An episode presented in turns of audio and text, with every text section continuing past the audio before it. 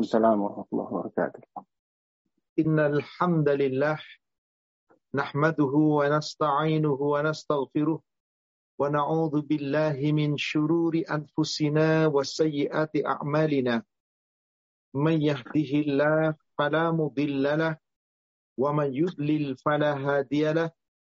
Asyhadu an la ilaha illallah wahdahu la syarika lahu وأن محمدا عبده ورسوله لا نبي بعده.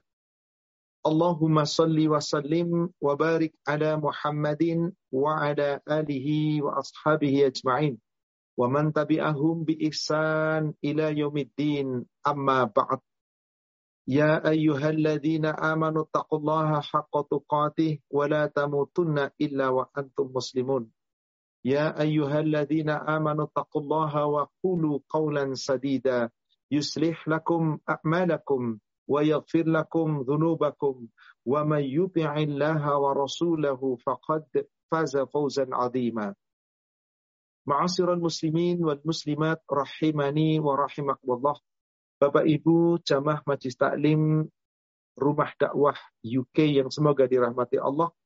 Dan para peserta yang mengikuti kajian kita di mana pun berada, baik itu yang berada di United Kingdom maupun di negeri mana pun, termasuk di negara kita di sini di Indonesia, di Jakarta, yang hari ini Ba'da sholat Isya, yakni pukul 17 lewat 40, pukul 19 lewat 45 hari ini, dan pukul berapa di sana? Jam 1 barangkali ya, di waktu UK, jam 1 lewat 45 barangkali.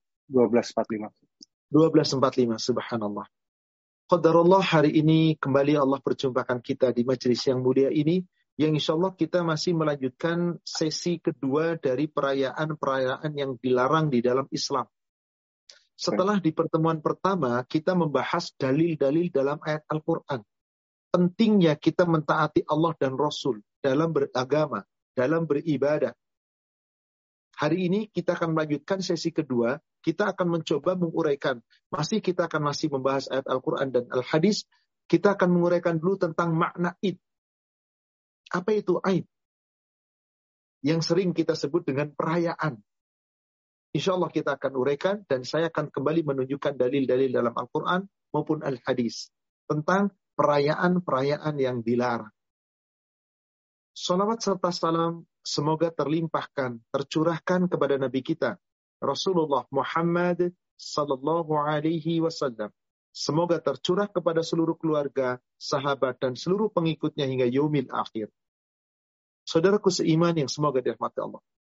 Kata Aid di dalam bahasa Arab menunjukkan sesuatu yang kembali berulang-ulang.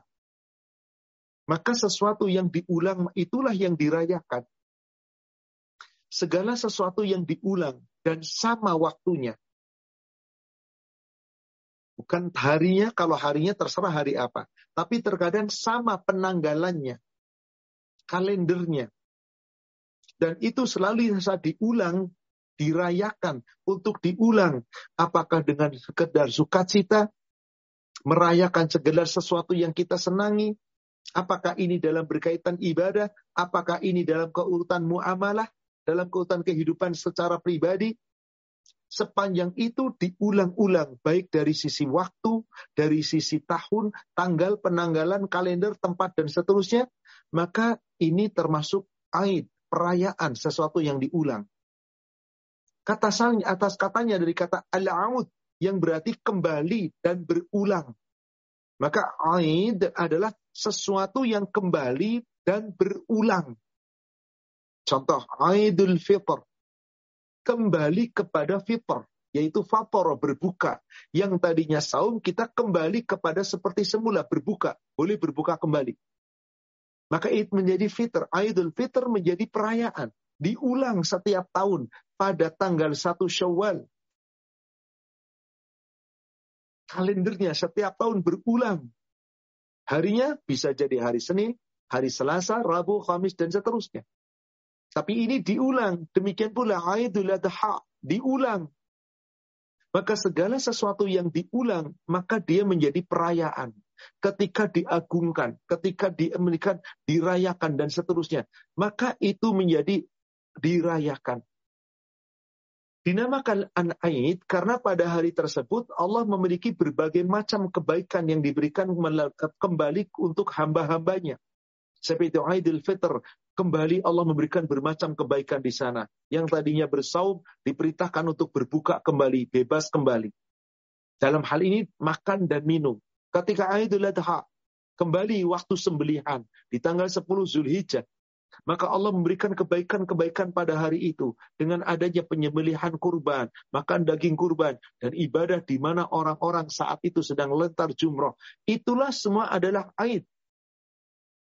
Yang perlu diperhatikan saudaraku seiman yang semoga dirahmati Allah. Saat ini telah menyebar di kalangan masyarakat Islam di mana pun berada di muka bumi ini. Entah itu di Indonesia, di negara-negara Islam, di mana pun kecuali ada beberapa negara Islam yang tidak pernah merayakan itu. Bahwa telah menyebar berbagai macam persyarakan di dalam masyarakat. Di mana mereka merayakan hari-hari tertentu. Perayaan ulang tahun, perayaan hari anniversary pernikahan, perayaan suatu keadaan di mana orang membuat perusahaan, perusahaan itu telah sekian tahun dirayakan lagi. Mendirikan suatu badan usaha, badan usaha itu berulang tiap tahun, dirayakan juga.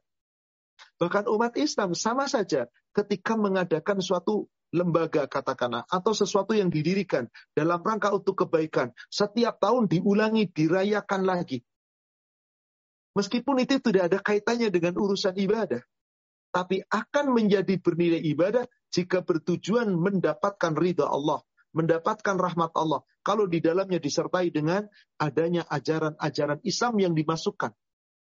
Dengan berdoa, mengharapkan keberkahan. Itu semua menjadi perayaan. Juga termasuk perayaan-perayaan yang dikaitkan dengan ibadah. Setiap hari kelahiran Nabi, dia itu di bulan Rabiul Awal. Maka dirayakan. Bahkan juga perayaan ini tidak hanya di Rabiul Awal. Kadang-kadang sampai lewat Rabiul Akhir. Rabiul Thani. Bahkan sampai Jumadil Awal masih tetap dirayakan tentang kelahiran Rasul. Yang disebut dengan maulid. Dan ini diulang setiap tahun. Perayaan Isra Mi'raj ketika Rasulullah Isra dan Mi'raj yang diyakini 27 Rajab. Padahal belum pernah ada dalil yang menyatakan Isra Mi'raj dengan pasti terjadi pada 27 Rajab. Dirayakan pula Nuzulul Quran yang diyakini oleh bangsa kita di Indonesia 17 Ramadan Padahal itu seluruh Quran kata Rasul turun pada bulan Ramadan, yaitu di 10 akhir yang Ramadan, di malam-malam ganjil. Tapi diyakini 17 Ramadan. Diulang setiap itu, dirayakan, peringatan, dan seterusnya. Maka yang seperti ini perlu dikaji ulang, perlu ditinjau ulang. Dan saudara sekalian, ketika kita akan membahas ini, tentu akan terjadi kontroversi. Ada yang setuju, ada yang tidak setuju. Ada yang mengatakan itu bid'ah, ada yang mengatakan itu sunnah. Maka mari saudara sekalian, kita buka mata hati kita, kita buka pikiran kita dengan ikhlas, mari kita membahas dengan dalil-dalil. Adapun yang tetap meyakini bolehnya mengadakan perayaan, silahkan. Yang meyakini ini adalah perbuatan bid'ah yang tidak pernah dicontohkan Rasulullah, bismillah. Mari kita kembali kepada aturan Rasulullah. Kenapa kita tidak boleh mengadakan perayaan-perayaan? Ingat, perayaan atau Aid itu telah ditetapkan oleh Allah dan itu harus tauqifiyah berupa ibadah yang syariatnya mengikuti aturan Allah bukan dibuat-buat oleh manusia maka siapa yang membuat-buat yang manusia membuat yang tidak ada dalilnya fahuwa raddun Rasul katakan maka itu tertolak maka tidak ada hari raya ulang hari raya hari raya yang dirayakan kecuali umat Islam hanya memiliki sesuatu yang telah ditetapkan. Aidul Fitr, Aidul Adha dan Eid yang lain, hari raya yang lain yang bukan dirayakan tapi di situ diamalkan dengan ibadah. Contoh, hari Arafah dirayakan untuk ibadah. Dan itu berulang setiap tanggal 9, bagi jamaah haji wukuf ke Arafah. Bagi orang-orang yang sedang di tanah air tidak haji, saum Arafah. Hari Asyura, tanggal 10 Muharram, dirayakan. Dengan cara apa? Bersaum pada hari itu, pada tanggal itu. Bahkan Rasulullah perintahkan, niatkan pula sehari sebelumnya, tanggal 9. Untuk menyelisihi orang-orang Yahudi, orang-orang Nasara. Kita rayakan. Hari Jumat berulang setiap Jumat. Kita rayakan. Dengan apa? Kita ibadah sesuai contoh Rasul. Maka sepanjang itu digunakan untuk ibadah, dan itu di sana berkumpul, dan diulang dalam rangka untuk ketaatan, halal, itu bukan aid perayaan yang diulang sebagaimana Idul Fitri, Idul Adha, tapi memang ibadah yang selalu diulang. Tidak ada masalah. Dan boleh dikatakan perayaan, silakan saja. Yang jelas itu adalah aid, sesuatu yang diulang. Adapun selain dari itu, sepanjang tidak ada contoh dari Rasul, maka tidak pernah ada sedikit pun kewajiban seorang muslim menjalankannya. Saya akan buka sebagai mukadimah surat Al-Baqarah ayat 120. Mari kita buka. Allah Subhanahu wa taala berfirman, "A'udzu billahi minasyaitonir rajim." Walan walan nasara hatta orang-orang Yahudi, orang-orang Nasara tidak pernah akan ridho. Allah yang menyatakan ini. Orang Yahudi, orang Nasara tidak pernah akan ridho kepada kita umat Islam. Umat Nabi Sallallahu Alaihi Wasallam hatta tattabi'a millatahum sampai kita umat Islam mau mengikuti milah mereka. Terjemahan milah biasanya agama. Sebetulnya agama itu ad-din. Milah itu kepada lebih kepada aturan dalam beragama, tata cara dalam beragama, syariat dalam beragama. Sedangkan kita diperintahkan oleh Allah, millata abikum Ibrahim. Ikuti milah bapakmu Ibrahim. Yaitu tata cara menjalankan agama yang dilakukan dengan ikhlas, dengan murni, tanpa dicampur dengan sesuatu yang tidak diajarkan. Tapi orang Yahudi, orang Nasara, tidak pernah akan ridho sampai kita umat Islam mengikuti milah mereka, tata cara agama mereka. Bukankah adanya peruyaan ulang tahun adalah mereka? Bukankah perayaan ketika perayaan tahun baru adalah dari mereka? Bukankah perayaan-perayaan tertentu yang dianggap sakral itu adalah dari mereka? Sepanjang Islam tidak diajarkan oleh Nabi kita Sallallahu Alaihi Wasallam tentang perayaan itu, nggak perlu kita perbuat. Karena itu bukan perayaan Islam. Yang jelas keinginan mereka orang Yahudi dan Nasara agar umat Islam mengikuti aturan mereka, perayaan mereka, tata cara agama mereka, tata cara ibadah mereka. Maka Allah katakan, Qul katakanlah, inna huda, inna hudallahi huwal huda. Sesungguhnya petunjuk Allah itulah petunjuk yang sebenarnya. Al-Quran, Al-Hadis, itulah petunjuk yang wajib kita ikuti dalam beribadah. Karena ibadah itu tauqifiyah. Anda mengadakan perayaan, jika dicampur dengan acara-acara tertentu yang seakan-akan bagian dari ibadah, berarti Anda telah membuat-buat. Berarti Anda tidak menjadikan ibadah itu tauqifiyah. Maka Allah jelas katakan, Qul inna hudallahi huwal huda. Katakanlah, petunjuk Allah itulah sesungguhnya petunjuk yang tepat, yang benar.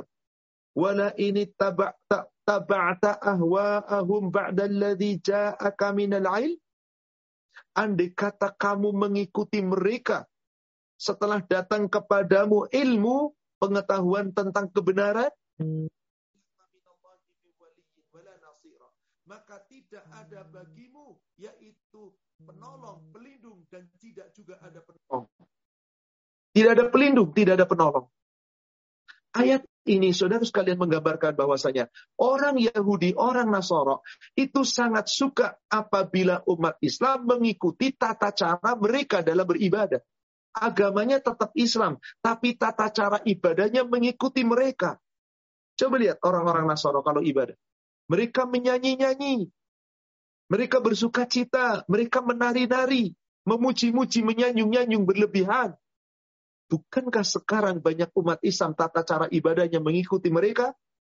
Solawat dengan bernyanyi-nyanyi, dengan berdendang, berjoget-joget, lalu digubahkah lagu-lagu dengan lagu-lagu bersolawat yang tidak pernah dicontohkan Rasul. Lalu mengatakan ini sunnah, ini pujian. Siapa yang nggak melakukan berarti nggak cinta kepada Rasul. Apakah seperti itu cara cinta kita kepada Rasul? Mengingkari sunnahnya, sementara kita membuat-buat amalan. Itulah keinginan orang Yahudi dan orang Nasoro. Ternyata diikuti.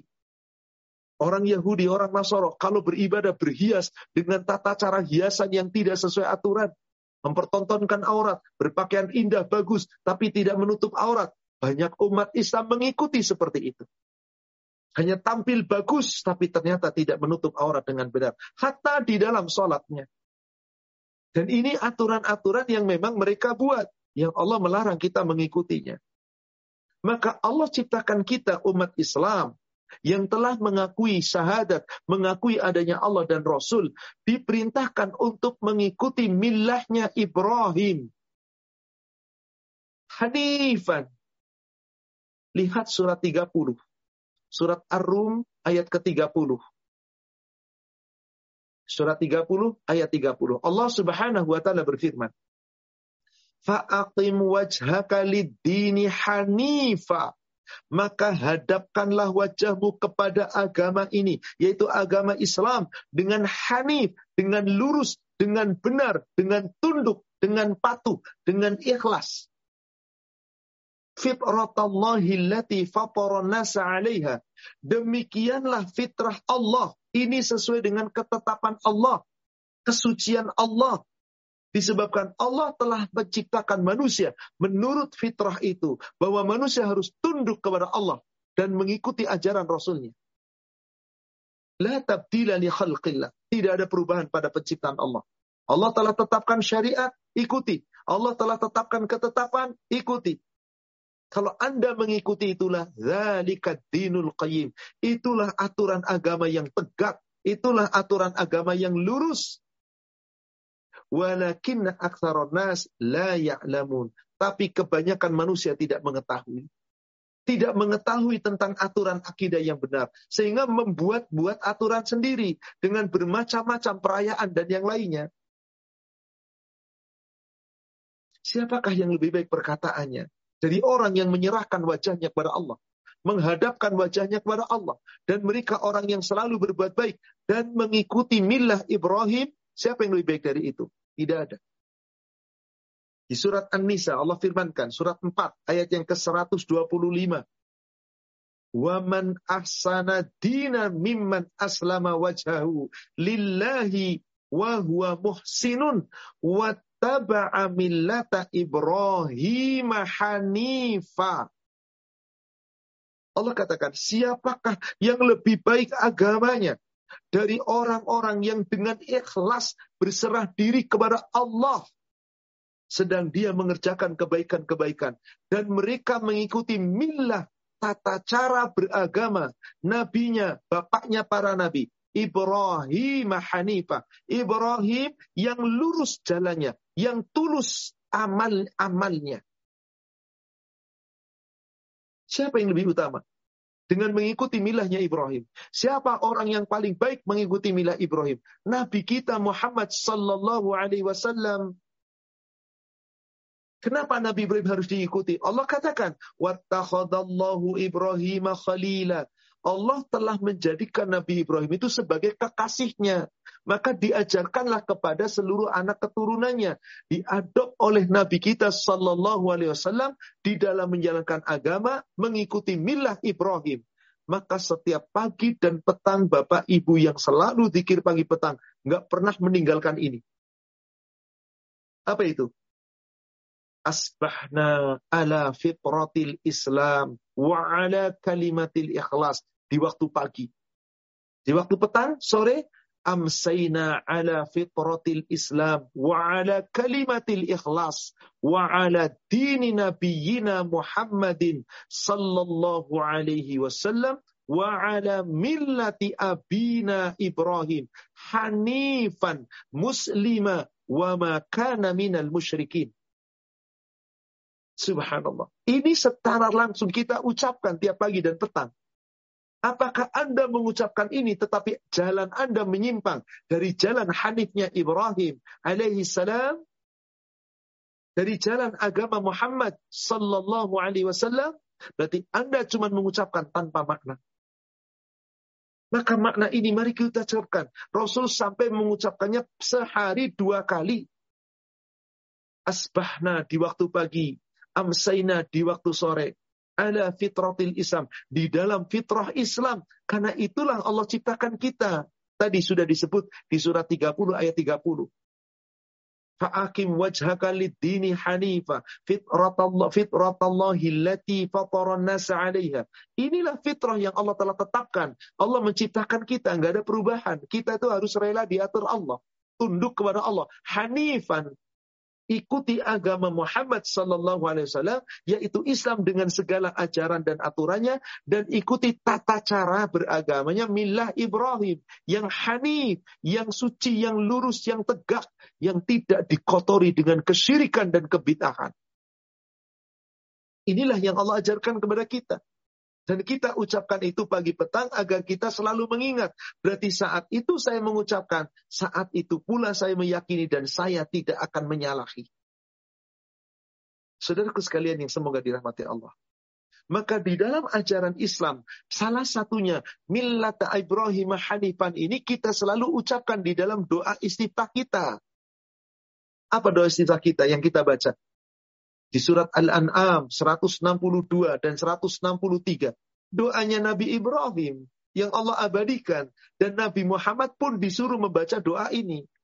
Maka Rasul ajarkan kepada kita, doa ini dibaca di dalam doa istiftah beliau di saat sholat malam. Diawali dengan wajah tu wajhiya lilladhi fataras samawati wal arda hanifan muslima wa ma kana minal musyrikin. Lalu diperintah di ayat 162 dari surat Al-An'am tadi. Qul Muhammad katakan, Inna salati wa nusuki wa mahyaya wa mamati lillahi rabbil alamin. Muhammad katakan, sesungguhnya salatku, ibadahku, hidupku, matiku, semuanya untukmu ya Allah Rabbul Alamin. La syarika lahu wa bidzalika umirtu. Tidak ada sekutu bagimu ya Allah. Dan yang demikian itulah yang Allah perintahkan kepadaku. Wa ana minal musyrikin. Aku bukan orang musyrik. Tapi aku adalah wa ana minal muslimin. Tapi di sana dikatakan di ayatnya wa ana awal muslimin. Aku termasuk orang yang pertama-tama untuk selalu berserah diri. Saudara kalimat, dari ini kita bisa pahami bahwasanya setiap umat Islam wajib di saat dia beribadah mengikuti ajaran Nabi Muhammad dan mengikuti milah tata cara beribadahnya Nabi kita, bapaknya para nabi yaitu Ibrahim alaihi salatu wassalam. Millata Ibrahim. Ikuti agama Ibrahim. Tata cara agamanya. Milahnya yang tidak dikotori dengan perbuatan, ajaran yang tidak pernah diperbuat, yang tidak pernah diperintahkan untuk diperbuat. Maka kita umat Islam wajib bersungguh-sungguh berjuang untuk jangan sampai melanggar itu. Bagaimana Allah perintahkan kita di surat Al-Hajj, surat 22 ayat yang terakhir, ayat 78. Surat 22, surat Al-Hajj, ayat yang ke-28. Bagaimana Allah berfirman? Wajahidu fillahi haqqa jihadi. Dan berjihadlah kamu di jalan Allah dengan sebenar-benarnya jihad. Haqqa jihadi. Allah katakan apa? Huwajtabakum. Dialah Allah yang telah memilih kamu Ja'ala alaikum fid. Dan Allah tidaklah menjadikan untukmu di dalam agama ini, yaitu agama Islam yang kamu anut, sesuatu yang haraj, yang menyulitkan, yang menyukarkan, yang menyusahkan. Allah nggak bikin susah. Tapi manusia membuat susah sendiri diadakanlah perayaan-perayaan, perayaan ini, perayaan itu yang nggak pernah dicontohkan, yang nggak pernah diperintahkan, yang nggak pernah ada dalilnya, tapi dibuat-buat menghabiskan dana, menghabiskan waktu, menghabiskan tenaga, membuat susah. Sedang Allah nggak pernah buat susah. Seperti perayaan yang diulang kebanyakan umat Islam. Ketika meninggal, 1 sampai 7 diulang dirayakan. Siapa pun yang meninggal seperti itu. Diulang lagi nanti hari 40, nanti hari 100, hari 1000. Yang di situ tujuannya doa kepada Allah Tapi tata caranya nggak mengikuti agama Nabi Muhammad, nggak mengikuti millahnya Ibrahim, menjadikan perayaan itu menjadi batil. Allah katakan di sini kan, Allah tidak menyulitkan kamu dalam beragama. Gimana caranya agar kita tidak sulit dan kita mampu sungguh-sungguh? Allah perintah, millata abikum Ibrahim. Ikuti milah bapakmu, yaitu Ibrahim. Nabi Muhammad orang yang paling mengikuti syariatnya Nabi Ibrahim. Mengikuti aturannya. Ikhlas dalam beragama. Rela diatur oleh Allah. Tidak membuat-buat kecuali yang hanya diperintahkan oleh Allah. Kita pun demikian. Nabi Muhammad sudah mencontoh mengikuti milahnya Ibrahim. Wajib kita umatnya mengikuti milah Ibrahim. Makanya tadi di pagi dan petang selalu zikir millata Ibrahim, abina Ibrahim. Nabi Muhammad mengatakan itu. Kita umatnya pun mengatakan itu. Lengkap. Asbahna ala fitratil Islam wa ala kalimatil ikhlas wa ala dini nabiyina Muhammadin sallallahu alaihi wasallam wa ala millati abina Ibrahim hanifan musliman wa ma kana minal musyrikin. Ini diucapkan harus sepenuh hati saudara sekalian. Allah katakan di situ agar kamu tidak susah dalam beragama millata abikum Ibrahim Ikuti agama bapakmu. Tata cara beribadah dalam agama bapakmu yaitu Ibrahim. Nabi Ibrahim Muslim. Semua anak keturunannya Muslim. Huwa muslimina min qabl. Dia Allah telah memberikan kepada kamu nama Muslim sejak zaman dahulu. Apa arti Muslim? Orang yang ikhlas, tunduk dan patuh kepada Allah. Maksudnya berarti rela diatur oleh Allah dan Rasulnya. Ini Allah katakan demikian. Allah telah memberi nama Ibrahim dan semua nabi-nabi yang lainnya itu muslim sebelum kamu wafihada sekarang dalam Al-Quran disebut orang yang mengikuti ajaran Nabi Muhammad itu muslim tapi wajib mengikuti milah Ibrahim liyakuna rasulu syahidan alaikum supaya nanti rasul akan menjadi saksi atas perbuatan kalian di dunia apakah mengikuti rasul atau tidak Rasul telah mengatakan jangan diperbuat yang tidak ada contoh dariku. Apakah Anda ikuti Rasul? Apakah Anda membuat aturan sendiri? Nanti Rasul menjadi saksi. Syahidan alaikum. Watakunu syuhada'a ala nas. Dan agar kalian pun menjadi saksi atas segala perbuatan manusia.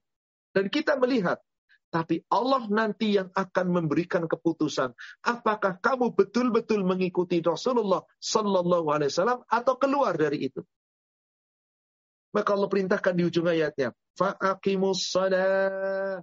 Maka tegakkanlah salat. Wa atuz zakat. Tunaikanlah zakat. Wa atasimu billah. Dan berpegang teguhlah kamu dengan ajaran Allah. Agama Allah. Syariat Allah. Aturan Allah. Kenapa? Huwa maulakum. Allah pelindung kamu. Allah pelindung kamu, penjaga kamu, maula kamu. Fanikmal maula wa nikman nasir. Sebaik-baik nikmat pelindung adalah Allah. Sebaik-baik nikmat penolong adalah Allah. Bagaimana kita ditolong dan dilindungi Allah? Wa'tasimu billah. Berpegang teguh kepada agama Allah. Pasti utuh. Sama benar. Tapi kalau tidak berpegang teguh kepada aturan Allah, akan tafarroku bercerai-berai. Allah yang menyatakan itu. Lihat di awal surat Ali Imran, surat 3, ayatnya ayat 103 di bagian awal. Setelah Allah perintahkan di ayat 102-nya, Ya ayyuhalladzina amanu tuqati. Hai orang-orang yang beriman, bertakwalah kamu kepada Allah dengan takwa yang sebenar-benarnya. Jangan kalian mati kecuali dalam keadaan illa wa antum muslimun. Antum betul-betul berserah diri kepada Allah. Betul-betul tunduk kepada Allah. Bagaimana caranya muslimun tadi? Tunduk sebenarnya ayat 103 di bagian awal ayatnya. Wa'tasimu bihablillahi jami'a wa la tafarraqu. Hendaklah kamu selalu berpegang teguh dengan ajaran Allah, dengan aturan Allah dengan syariat Allah sebaik-baiknya jami'ah semuanya. Wala tafarraqu. Jangan kalian bercerai-berai. Bagaimana kita bisa berpegang teguh dengan syariat Allah? Ikuti ajaran Allah dan Rasul. Taati Allah dan Rasul. Maka Anda tidak akan tercerai-berai. Kenapa umat Islam sekarang banyak bercerai-berai? Karena memang masing-masing tidak mencoba mentaati Allah dan Rasul dengan hanif. Dengan sebenar-benarnya. Kalau sebenarnya, saya yakin demi Allah pasti selamat mereka. Dan akan sama visinya. Karena Rasul memang tidak mengajarkan. Tapi sekarang manusia bercerai-berai. Karena tiap golongan menganggap lebih baik dari yang lain. Tiap golongan membuat aturan-aturan yang tidak ada dari Rasul. Lalu saling menyalahkan dan merasa paling benar satu sama lain. Itulah yang terjadi. Akhirnya apa? Tiap-tiap manusia nanti akan membuat aturan-aturan. Sehingga berbuat sesuatu yang gak pernah dicontohkan Rasul. Tapi menganggap itu baik. Dan memang itu adalah salah satu tanda akan datangnya hari kiamat. Itu adalah salah satu tanda akan datangnya hari kiamat. Nabi Shallallahu Alaihi Wasallam bersabda dalam hadis yang diriwayatkan oleh Imam Bukhari dari Abu Hurairah semoga Allah meridhoinya. Qala Rasulullah Shallallahu alaihi wasallam, "La taqumu sa'ah hatta ta'khudha ummati bi ahdil qurun qablaha ini peringatan Rasul. Tidak akan pernah tegak hari kiamat hingga umatku mengikuti generasi jalan sebelumnya sejengkal demi sejengkal. Shibran bi shibrin. Wadhira'an bidhira'in. Bidhira'in. Dan satu hasta demi satu hasta. Faqila ya Rasulullah. Maka ada yang bertanya, wahai Rasulullah. Wahai Rasulullah. Kafarisa warraum Apakah ini adalah kaum Faris atau Persia dan kaum Romawi? Faqala, maka Rasulullah mengatakan, wa manin nasi illal ulaika. Lalu selain mereka, lantas siapa lagi? Siapa itu orang Persia? Orang-orang Yahudi. Siapa itu orang Romawi? Orang-orang Nasrani. Maksudnya apa? Belum akan terjadi kiamat sebelum umat Islam mengikuti ajakan mereka mengikuti tata cara beragama mereka. Seperti yang Allah firmankan Al-Baqarah 120. Shibron bi shibrin. Sejengkal demi sejengkal. Zira'an bi zira'in. Sehasta demi sehasta. Maksudnya pelan-pelan. Pada akhirnya mengikuti aturan mereka. Tidak mengikuti aturan Islam. Maaf.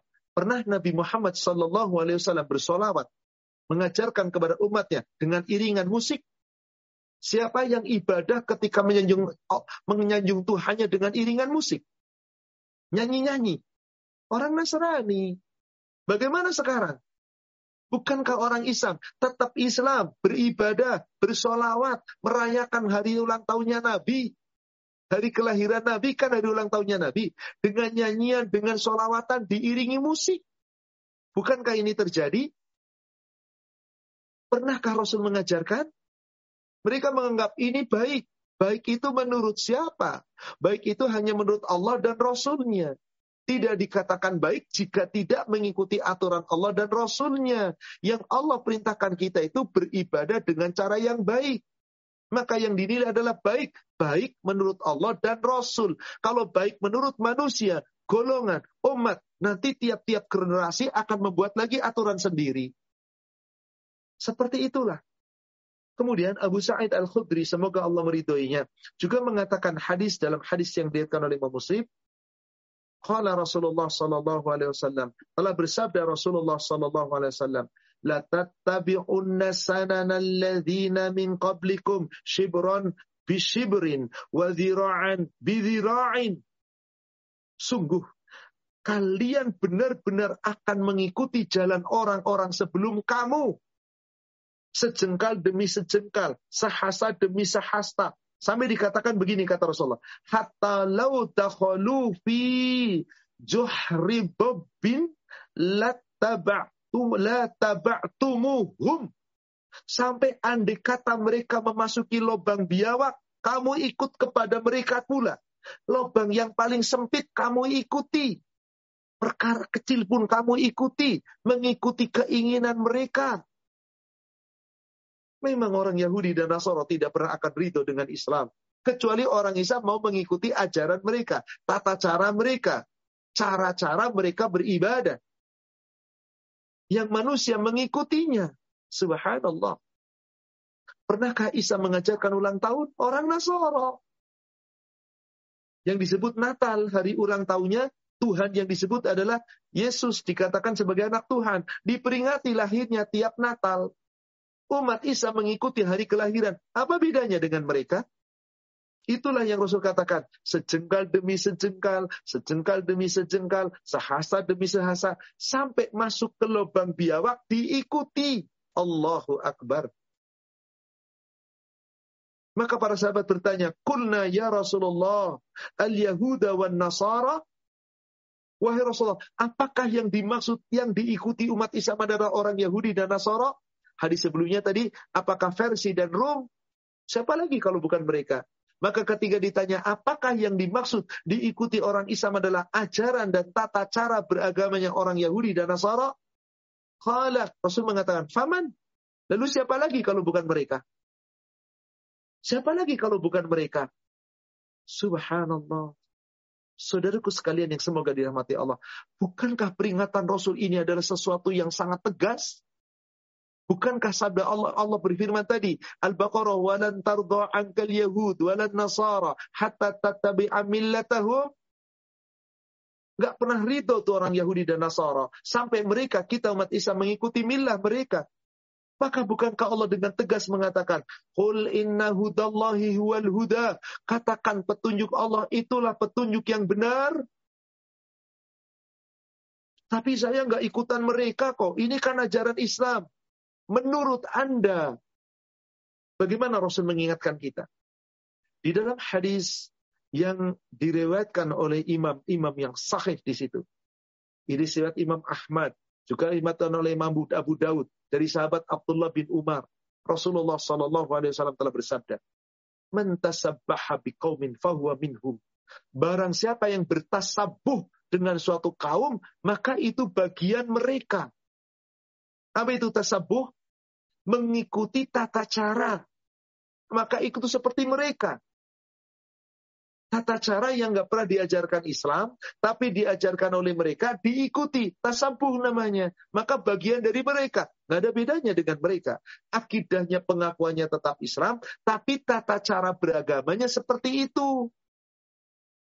Di dalam lafaz lain, hadis yang dilihatkan oleh Imam At-Tirmizi dari Amr bin Shu'aib, Rasulullah Sallallahu Alaihi Wasallam bersabda, "Laisa minna man tasabbaha bi ghairina bukanlah termasuk golongan kami orang-orang yang bertasabuh menyerupai selain kami. Jadi tasabuh itu mengikuti sesuatu sehingga menyerupai. Orang Nasrani ibadah tadi nyanyi-nyanyi dengan berdendang, dengan berjoget.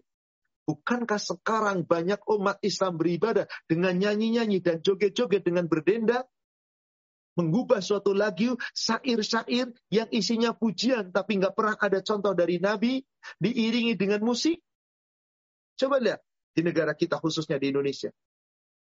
Di mana orang-orang membuat muat, di mana Asmaul Husna, nama-nama Allah dijadikan sebagai nyanyian, joget-joget dengan pakaian seragam, berdendang lenggok ke kanan ke kiri, diiringi gitar, diiringi piano, diiringi organ. Apalagi tujuannya? ingin mendapat kebaikan. Pernah Rasul perintahkan demikian? Tidak sama sekali. Tapi ini terjadi. Dan berarti menyerupai mereka. Itulah tasabuh.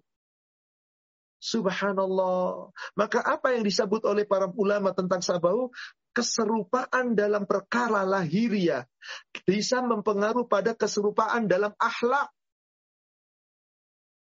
Dia begitu cara lahirnya, maka ahlaknya akan mengikuti. Dan pula dalam amalan.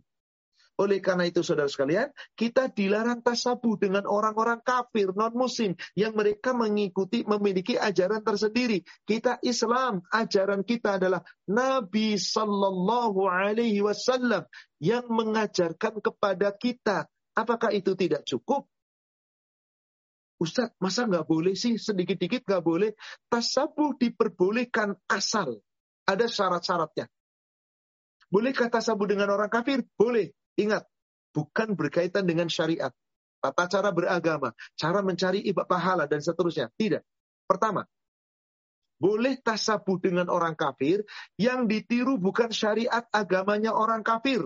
Bukan menjadi kekhususan mereka. Itu syarat pertama. Syarat kedua, yang diserupai bukanlah perkara yang menjadi syariat mereka. Seperti dalam syariat dahulu dalam rangka penghormatan, maka disyariatkan sujud. Namun dalam isang dilarang. Bukankah orang-orang kafir ketika menghormati para pembesar yang mereka sujud? Di hadapannya para pendeta, para pastor, bahkan mencium kakinya, Islam melarang. Kalau seperti itu maka tidak boleh. Selama tidak menyerupai mereka, penghormatan silakan. Bagaimana cara menghormati? Sesuai ajaran Islam. Tidak boleh membungkuk lebih rendah dari ruku apalagi sampai sujud. Cukup dengan hormat. Cukup dengan bersalaman. Silakan. Ketiga, syariat menjelaskan bolehnya bersesuaian dalam perbuatan tersebut. Namun khusus untuk amalan tersebut saja. Seperti misal, dahulu orang Yahudi melaksanakan saum Ashura.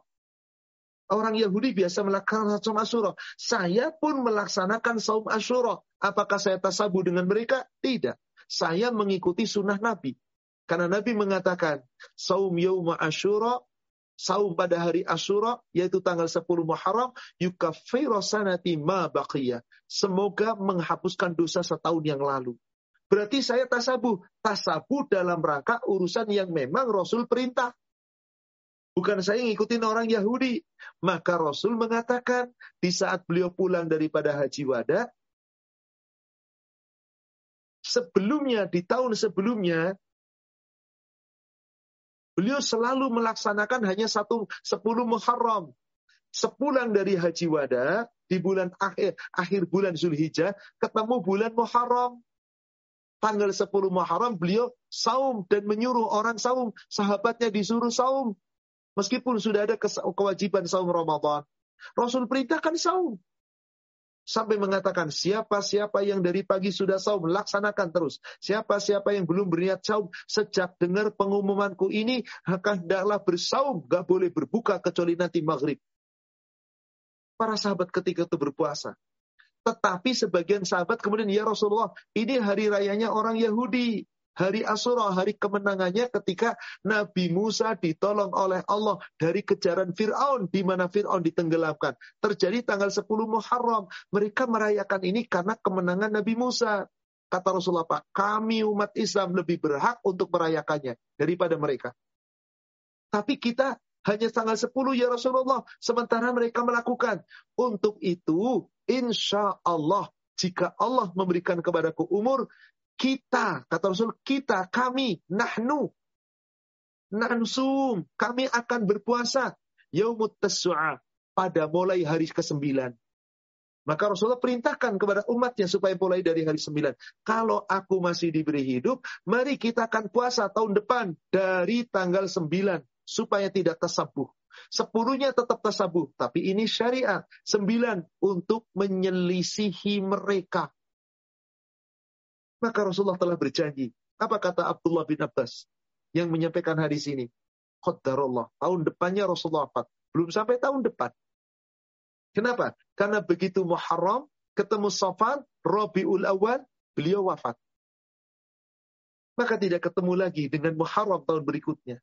Maka kita umatnya, mari kita selisihi orang Yahudi. Jangan hanya di tanggal 10 Ashura. Kita lakukan 9 dan 10. Sebagian ulama mengatakan, jika sembilannya tertinggal, belum, maka untuk menyelusui sepuluh dan sebelas, silakan. Yang penting jangan berniat seperti mereka. Bukan tasabuh, tapi ini syariat. Maka di sini jelas, jika syarat-syarat itu terpenuhi, insya Allah tidak mengapa. Tapi kalau syariat orang kafir diikuti, seperti orang kafir perayaan Isa Al-Masih lahir tanggal 25 Desember. Katanya, meskipun tidak ada aturan. Tidak ada yang jelas tentang lahir tanggal 29 Desember. Bahkan itu menjadi persengketaan di antara mereka sendiri. Kenapa? Digambarkan Nabi Isa lahir di saat di salju. Musim salju. Padahal Desember adalah hari di mana bukan musim salju, musim panas. Kenapa jadi musim salju? Apakah itu Desember? Terjadi pertengkaran. Kita nggak melihat itu. Silahkan saja mereka. Tapi mereka merayakan kelahirannya. Umat Islam mengikuti perayaannya. Tiap lahir diperingati. Saya bukan untuk ibadah. Hanya untuk bersenang-senang. Untuk apa Anda bersenang-senang dengan tasabuh kepada orang kafir? Maka syarat-syarat itu menjadi batil. Saudara Islam itu sudah sempurna. Jangan ditambah, jangan dikurang. Ketika Allah telah turunkan ayat di surat 5 ayat yang ketiga, bukankah di bagian akhir ayat setelah Allah menjelaskan tentang halal, haram dan seterusnya, maka Allah katakan bahwasanya al yauma akmaltu lakum dinakum wa atmamtu alaikum nikmati wa raditu lakumul islam dinan Tidakkah ini menjadi kesempurnaan? Pada hari ini telah kesempurnakan untuk kamu agamamu dan telah aku cukupkan kepadamu nikmatku. Aku telah ridho agama Islam sebagai agamamu. Tidakkah kita mengambil dalil ini menjadi keterangan bahwa sempurna Islam nggak perlu ditambah, nggak perlu dikurang, sudah cukup dari Nabi. Bukankah Nabi Shallallahu Alaihi Wasallam telah bersabda, di dalam hadis yang diriwayatkan oleh Imam Ahmad, Nabi kita sallallahu alaihi wasallam bukankah pernah bersabda, "Taraktum 'alal bayd 'alal bayda'i lailahuma kana hariha la yazighu anha ba'di illa halik." Telah aku tinggalkan kepada kalian suatu keadaan terang benderang siangnya seperti malam, tidak akan ada yang berpaling dari keadaan tersebut, kecuali pasti ia celaka. Apakah yang ditinggalkan oleh Rasul itu? Yang malamnya seperti siang, terang benderang, Al-Quran, Al-Hadis. Yang Rasul perintahkan apa? Berpegang teguh dengan itu. Alaikum, hendaklah kalian semua senantiasa berpegang bisunnati wa sunnatil khulafa'ur rasyidin al-mahdiyyin berpegang teguh kepada sunnahku dan sunnah khulafa'ur rasyidin yang telah mendapat petunjuk. Apa isu petunjuknya? Al-Quran Al-Hadis. Abdu alaiha bin nawajid. Bahkan Rasul perintahkan gigit sunnahku itu. Dua yang aku tinggalkan. Al-Quran As-Sunnah dengan gigi gerahamku. Dengan gigi gerahammu Wa iyyakum wal umur. Dan hendaklah kamu semua tinggalkan semua perkara-perkara yang diada-adakan. Wa kullu bid'ah. Karena sesungguhnya sesuatu yang diadakan itu bid'ah.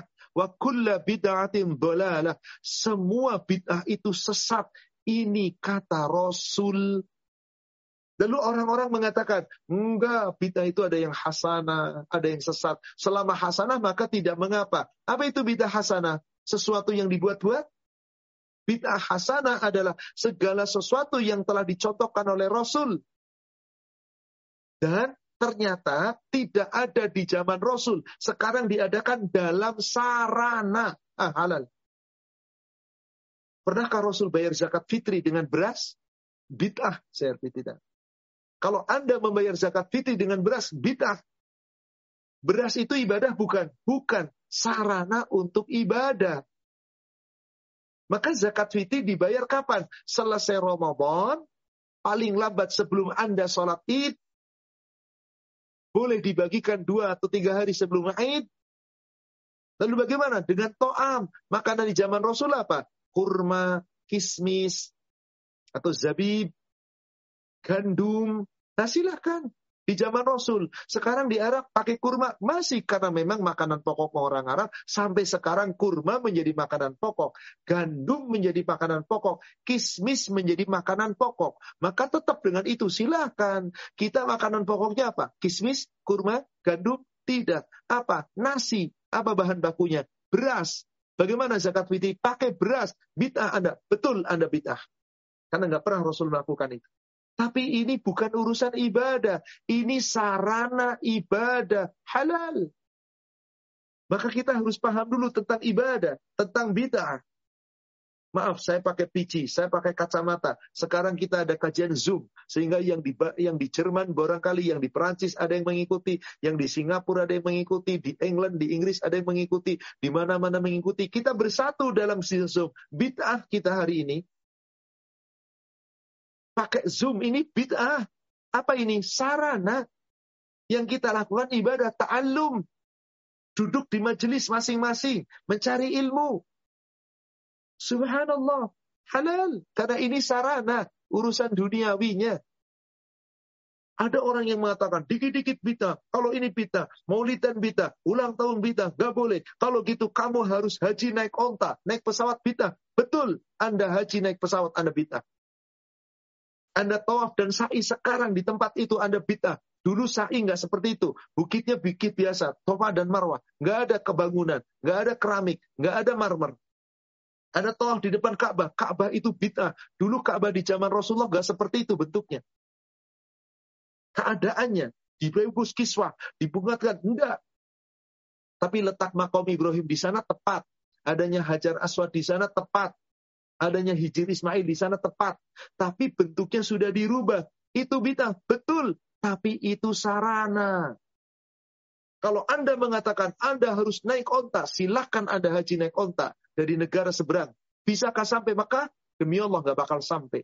Kecuali Anda sewa kapal sendiri untuk ngangkut onta Anda. Tetap Anda naik pesawat. Bagaimana onta nyebur ke laut? Karena Anda tidak paham bid'ah. Sehingga membandingkannya seperti itu.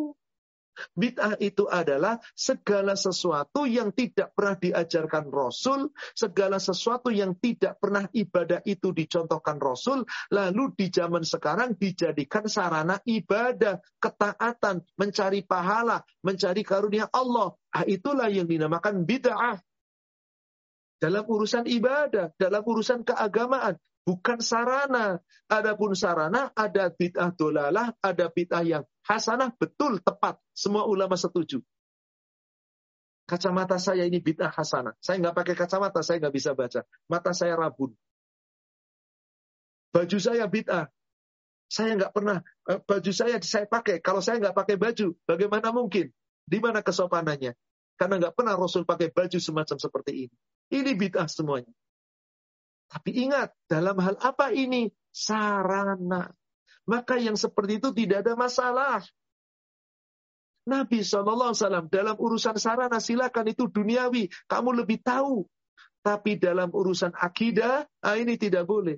Kenapa? Karena Rasul bersabda, dari yaitu hadis yang dilihatkan oleh Imam Tabrani ma baqiya syai'un yuqarribu minal jannah wa yuta wa yuba wa yuba'itu 'anil nar illa waqad buyyina lakum.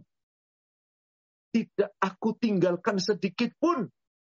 Ma baqiya syai'un tidak pernah aku tinggalkan sesuatu pun yang mendekatkan dirimu kepada Allah, menjauhkan dirimu dari api neraka dan mendekatkan dirimu ke dalam surga kecuali semua sudah dijelaskan oleh Rasul. Jadi Anda beribadah untuk masuk surga, terhindar dari neraka, semua aturannya, syariatnya sudah ditetapkan oleh Rasul. Ikuti, nggak ada yang ketinggalan.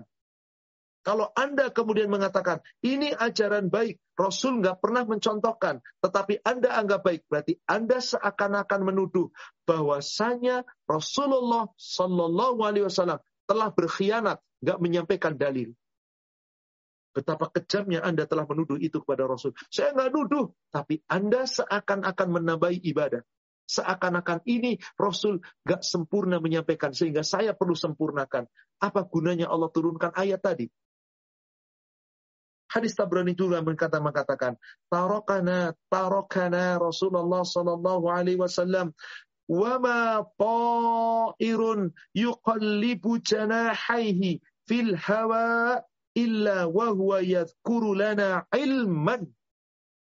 Rasul mengatakan, Rasulullah sallallahu alaihi wasallam Abu Zar Al-Ghifari mengatakan, Rasulullah sallallahu alaihi wasallam wafat meninggalkan kami.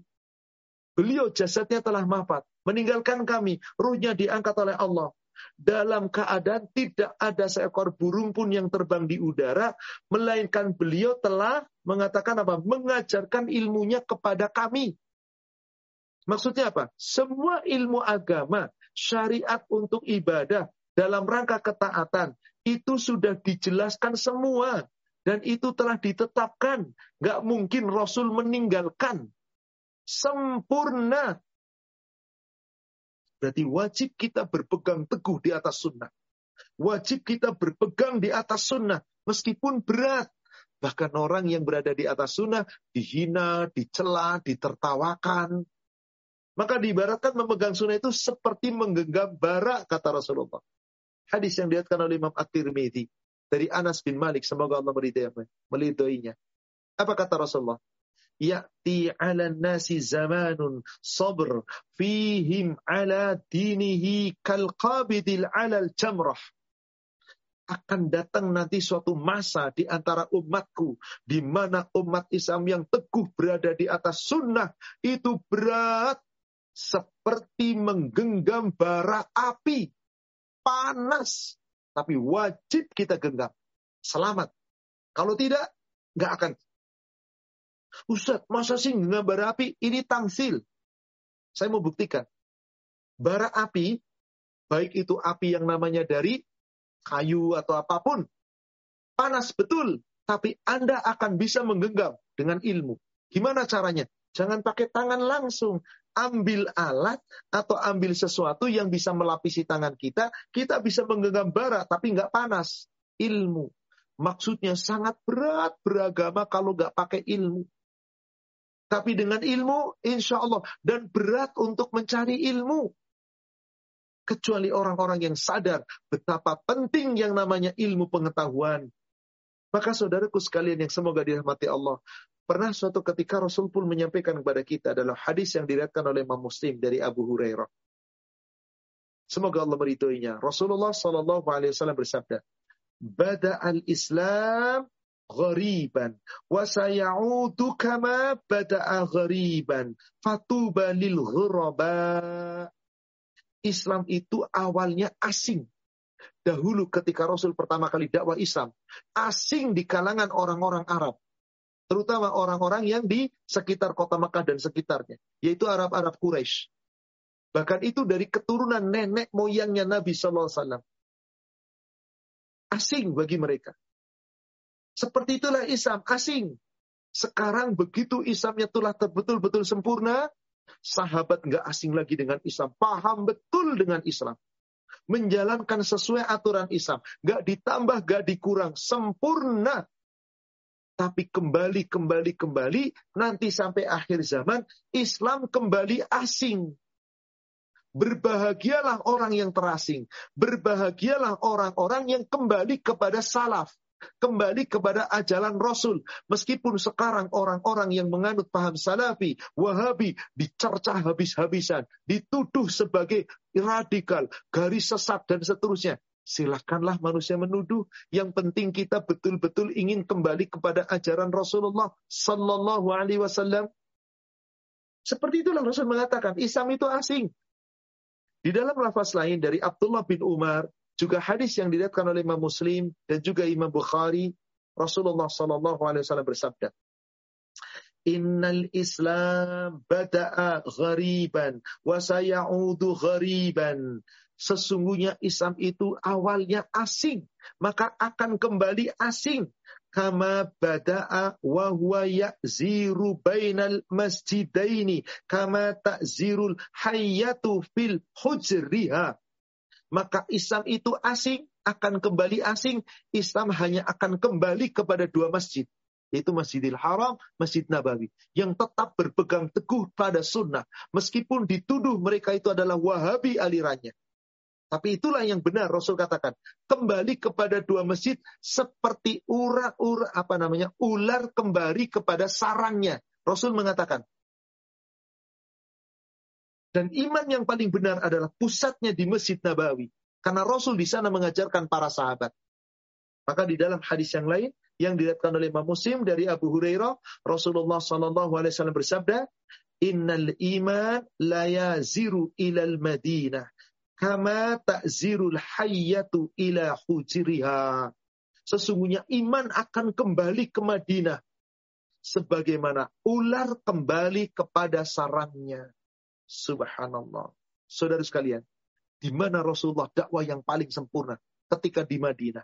Ketika di Mekah masih banyak ditolak oleh orang-orang yang menolaknya. Tapi setelah waktu Fatu Mekah, mereka menerimanya sebagian besar. Tapi tetap pusat Islam adanya di Madinah. Maka kata Rasulullah, Islam kembali asing seperti semula asing. Hanya akan kembali iman itu kepada Nabawi, Masjid Madinah. Di Madinah, kata Rasul. Hadis sahih riwayat Imam Muslim. Seperti ular menuju kepada sarangnya. Maknanya apa? Peringatan Rasul agar kita umatnya selalu tunduk kepada Nabi Sallallahu Alaihi Wasallam Ikuti aturan Nabi Sallallahu Alaihi Wasallam. Hadis Hasan Sahih tersebut di dalam kitab Al-Hujjah dari sahabat yakni Abu Muhammad Abdullah bin Amr bin Al-As putra dari Amr bin Al-As dia adalah Abdullah bin Amr bin Al-As. Dan menyampaikan kepada anaknya. Anaknya berkata dari bapaknya yaitu Abdullah bin Amr bin Al-As. Apa katanya? Di sana dikatakan Qala Rasulullah sallallahu alaihi wasallam. Telah bersabda Rasulullah sallallahu alaihi wasallam, "La yu'minu ahadukum hatta yakuna hawahu taba'an lima jitu bihi." Tidak sempurna iman seorang di antara kamu sebelum kamu hawa nafsunya tunduk kepada apa yang telah aku sampaikan. Kalau kita sudah tunduk kepada apa yang disampaikan Rasul, baru sempurna iman Anda. Hadis ini semakna dengan ayat Al-Quran di surat An-Nisa ayat ke-65. Fala wa rabbika la yu'minuna hatta yuhakimuka ma syajara bainahum. Summa. Kemudian haraja mimma qadaita wa yusallimu taslima. Ayat Al-Quran. Demi Rabbmu, mereka semua belum beriman, kata Allah hatta yuhakimuka fima syajara bainahum sampai mereka mau menjadikan kamu hai Muhammad sebagai hakim dalam memutuskan segala perkara yang diperselisihkan di antara mereka harajan mimma qadaita summa la yajidu fi anfusihim harajan mimma qadaita wasu wa yusallimu taslima. Sehingga mereka tidak ada keraguan keberatan sedikit pun di dalam diri mereka untuk menerima segala yang telah Rasul sampaikan. Yusallimu taslima. Menerima dengan taslim menerima dengan ikhlas sepenuh hatinya. Itulah baru sempurnanya iman. Subhanallah. Berat saudara sekalian? Berat. Sungguh berat hanya dengan ilmu kita mampu meraihnya itu. Dengan keikhlasan kita meraihnya itu. Sehingga kita tidak tercampuri dengan bid'ah-bid'ah dalam hal perayaan apa pun. Wallahu a'lam. Sepertinya waktu pula yang membatasi kita. Saya belum menjelaskan tentang perayaannya. Tapi kembali, hari ini saya masih jelaskan dulu tentang dalil-dalil yang koti. Mari kita berpegang teguh dengan dalil itu. Dan saya akan uraikan pula nanti insya Allah kita masih butuh satu sesi lagi. Insya Allah bulan depan kita berjumpa lagi. Masih sesi yang sama yaitu perayaan-perayaan yang dilarang. Saya akan uraikan tentang perayaan apa saja itu. Kemudian dalil-dalil yang lebih sahih lagi. Yang patus, pantas kita untuk amalkan dan kita yakini. Agar kita menjauh dari segala perayaan yang memang tidak pernah dicontohkan oleh Nabi kita Muhammad Sallallahu Alaihi Wasallam. Demikian Wallahu alam. Saya kembalikan kepada admin. Silakan kita bisa lanjutkan untuk sesi tanya. Alhamdulillah. Alhamdulillah. Jazakallah khair Ustaz atas uh, hari ini. Eh, pertanyaan sudah banyak sekali nih Ustaz yang masuk. Eh, saya coba rangkum di beberapa pertanyaan. Eh, bagi yang ingin bertanya langsung silahkan angkat tangan. Eh, nanti kita akan beri kesempatan untuk bertanya. Baik, insya Allah kita masuk ke pertanyaan pertama. Bismillahirrahmanirrahim. Ini pertanyaan ada tiga penanya Ustaz berbeda namun topiknya masih sama. Saya bacakan yang pertama. Assalamualaikum Pak Ustadz. Kalau kita diundang untuk acara seperti Maulid, 40 hari yang meninggal dan lain sebagainya, pertanyaannya haruskah kita datang? Lalu penanya kedua, Assalamualaikum warahmatullahi wabarakatuh. Ustadz, bolehkah kita menghadiri undangan-undangan, haul, tingkepan, dan lain sebagainya? Dan yang terakhir, Assalamualaikum Ustadz, Afwan ingin bertanya, bagaimana sikap kita bila pemerintah merayakan hari raya yang tidak disyariatkan dalam Islam dan kantor-kantor pun libur. Jazakallah khairan. Gitu. Baik, saudara seiman. Jika kita telah meyakini semua itu adalah bid'ah, ya jangan diikuti. Anda menyarakan lalu Anda diundang lalu datang. Berarti Anda menyetujui. Berarti Anda menyetujui. Kalau kita sudah menyatakan itu adalah perbuatan bid'ah, ya kita tinggalkan apa pun. 40 harian orang meninggal, tahlilan dari 1 sampai 7 dan seterusnya. Atau acara-acara yang lainnya, acara-acara maulid dan seterusnya. Itu semua kan tidak ada contoh dari Rasul. Meskipun zaman sekarang banyak yang menyatakan tidak masalah. Monggo silakan. Tapi kita yang meyakini dengan dalil yang sah, nggak ada contoh Rasul, apa sulitnya kita tinggalkan? Kita tinggalkan pasti selamat. Kita ikutan berarti kita akan mengikuti keyakinan mereka. Tasabuh dengan mereka. Seperti itulah. Bagaimana menghadiri acara tadi, tingkepan, ulang tahun, dan seterusnya. Sama saja. Tingkepan itu kan dalam bahasa Jawanya apa? Orang-orang yang lagi hamil lalu mengadakan acara tertentu. Adakah dari Rasul? Tidak ada. Ya udah tinggalkan. Bagaimana Ustaz? Pemerintah mengadakan suatu perayaan hari-hari tertentu, lalu tanggal merah, lalu kita ikut libur. Liburnya kita nikmati, tapi perayaannya nggak kita yakini. Gak usah kita hadiri. Apa pun perayaan-perayaan yang memang tidak pernah ada di zaman Rasul. Hanya sekedar retorika duniawi. Tapi ini kan sakral Ustaz, kata pemerintah, urusan duniawi. Silahkan mereka ikuti. Kalau memang Anda merasa yakin dengan itu. Tapi kalau itu sudah dikaitkan dengan acara-acara itu, lalu berkaitan dengan itu, kemudian diliburkan untuk acara perayaannya, maka jangan kita ikuti. Bukankah pemerintah kita sudah mengatakan bahwa 21 Rabiul Awal itu adalah hari wafatnya Rasul, maka diliburkan. 27 Rajab, Mi'rajnya Rasul, maka itu di tanggal merah kan, nikmati tanggal merahnya libur, tapi perayaannya kita nggak ikutan. Karena Rasul nggak pernah mencontohkan itu. Sahabat tidak. Demi Allah, imam empat tidak. Imam Abu Hanifah, Imam Malik bin Anas, Imam Syafi'i, Imam Ahmad bin Hanbal tidak pernah mengadakan perayaan seperti itu. Meskipun banyak di antara kita umat Islam yang meyakini kita kan mazhabnya Indonesia Syafi'i, maka harus ikuti perayaan. Apakah ada perayaan dari umat Syafi'i? Termasuk perayaan tahun baru Hijriah? Nggak pernah ada. Untuk apa kalau begitu? Untuk apa membuang energi, membuang tenaga, membuang itu, bahkan malam-malam begadang. Kenapa nggak kita sholat malam? Yang jelas-jelas sunnah Rasul. Demikian wallahu a'lam. Jadi jika kita sudah meyakini tidak ada, ya sudah kita tinggalkan. Itu lebih utama tentu saja. Wallahu a'lam. Baik, alhamdulillah. Uh, jelas sekali Ustaz jawabannya. Baik, uh, saya masuk ke pertanyaan berikutnya. Bismillah. Uh, Bismillahirrahmanirrahim. Assalamualaikum warahmatullahi wabarakatuh. Izin bertanya Ustaz. Bagaimana hukumnya dengan orang yang berjualan dalam perayaan yang tidak sesuai dengan, maksudnya dengan syariat, misalnya mungkin seperti kue ulang tahun, kue untuk hari raya Nasara, dan hukum orang yang mengucapkan selamat ulang tahun dengan diganti bahasanya saja ya Milad. Baik. Berjualan dalam hukum syariat itu halal. Yang haram itu riba. Wa ahallallahu al-bai' wa harrama riba. Allah telah halalkan jual beli tapi Allah haramkan riba. Pada hakikatnya jual beli halal. Ada sebuah perayaan, Anda tetap jualan. Memang sehari-hari jualan, nggak ada masalah. Misalkan Anda biasa jualan di suatu tempat seorang serbaguna, Anda biasa jual di halaman apa namanya di jalanan di depan dekat masjid, jual makanan. Qadarullah pada saat itu ada perayaan tertentu, maulid dan seterusnya, ada jualan. Saya jualan tidak ada kaitannya dengan itu, memang saya biasa jualan di sini, halal. Tapi kalau jualan mengkhususkan tadi, ada orang mau ulang tahun, tolong buatkan kue ulang tahun, disediakan lilinya supaya ditiup. Anda menolong anda menolong. Ada orang mau mengadakan perayaan tertentu, lalu dibuatkan acara itu dengan makanan-makanan, lalu pesan khusus dalam rangka untuk perayaan itu. Anda menolong. Maka ini berbeda masalah. Ketika Anda jualan secara umum sehari-hari dengan menjual secara khusus di perayaan tertentu. Ada orang mau Natalan, pesan nasi bungkus 100 box karena ada ibadah nanti di sana. Pesan kepada umat Islam. Tanyakan untuk apa? Karena ada perayaan Natal, saya tidak melayani. Halal sudah begitu. Jangan nggak enak, kan saya jualan. Karena Anda mendukung. Kan Allah berfirman di surat 5, di tengah-tengah ayat, di bagian ujung. Apa kata Allah?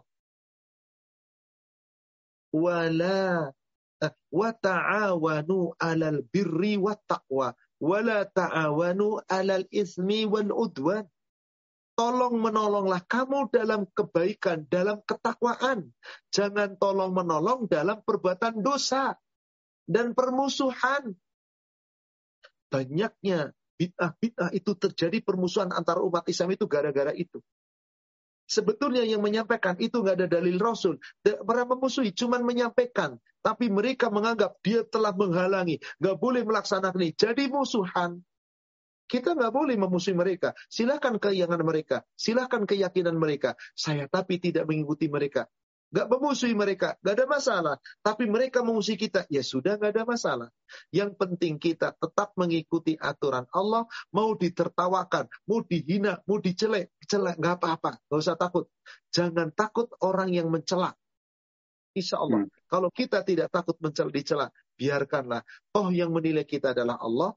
Bahkan kalau kita merujuk kepada surat 23, surat Al-Mu'minun, di ayat ke-109 sampai 111. Di situ Allah sebutkan, Innahu kana fariqum min ibadi yaqulun. Sesungguhnya ada di antara hamba-hambaku yang mereka berdoa. Rabbana amanna faghfir lana warhamna wa anta arhamur rahimin. Ya Allah ya Rabb, ampunilah kami ya Allah. Kami telah beriman, ampuni kami. Engkau sebaik-baik penerima ampunan dan engkau adalah anta khairur rahimin. Sebaik-baik pemberi rahmat. Engkau sebaik-baik pemberi rahmat. Orang ini tegak di atas hadis, di atas sunnah, di atas dalil, di atas Al-Quran. Selalu ikuti aturan Allah dengan iman sebenarnya.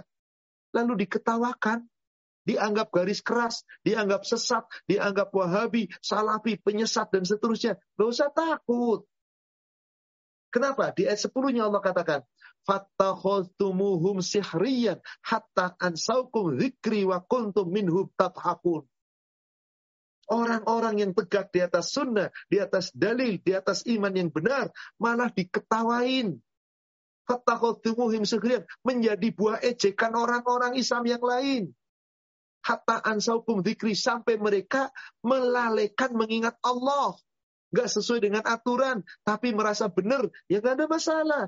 Angkuntum minhum tadhakun. Bahkan kamu, hai orang-orang yang tidak mau ngikutin iman dengan baik, mentertawakan orang-orang yang beriman tadi. Gak masalah, cuma diketawain, cuma dihina kok. Kitanya jangan membalas, biarkan saja. Bismillah, ya Allah, aku ingin tegak di atas sunnah. Meskipun di kiri kanan kita banyak yang berlaku kita, tegak dan kita gak usah musuhin siapa pun.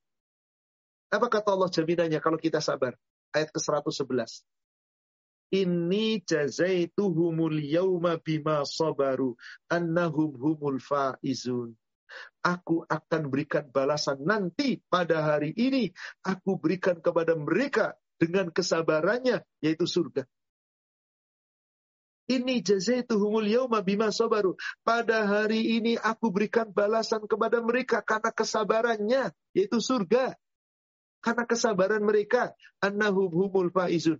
Mereka itulah orang-orang yang beruntung. Biarlah mereka mentertawakan, biarlah mereka mengadakan. Yang penting kita sudah punya prinsip, insya Allah. Wallahu a'lam. Demikian. Baik, Alhamdulillah. Jelas sekali, Ustaz. Uh, ini, apa Ustaz? Uh, pertanyaan berikutnya. Singkat pertanyaan, Ustaz. Uh, Assalamualaikum warahmatullahi wabarakatuh. Eh, bagaimana dengan perayaan atau syukuran kelulusan kuliah, promosi kerjaan, dan semacamnya? Apakah diperbolehkan, Ustaz? Ini diulang atau tidak? Kelihatannya kalau ini tidak diulang, Ustaz. Karena ya beda dong. Yang namanya itu apa? Sesuatu yang diulang. Ingat tadi makna nah, itu.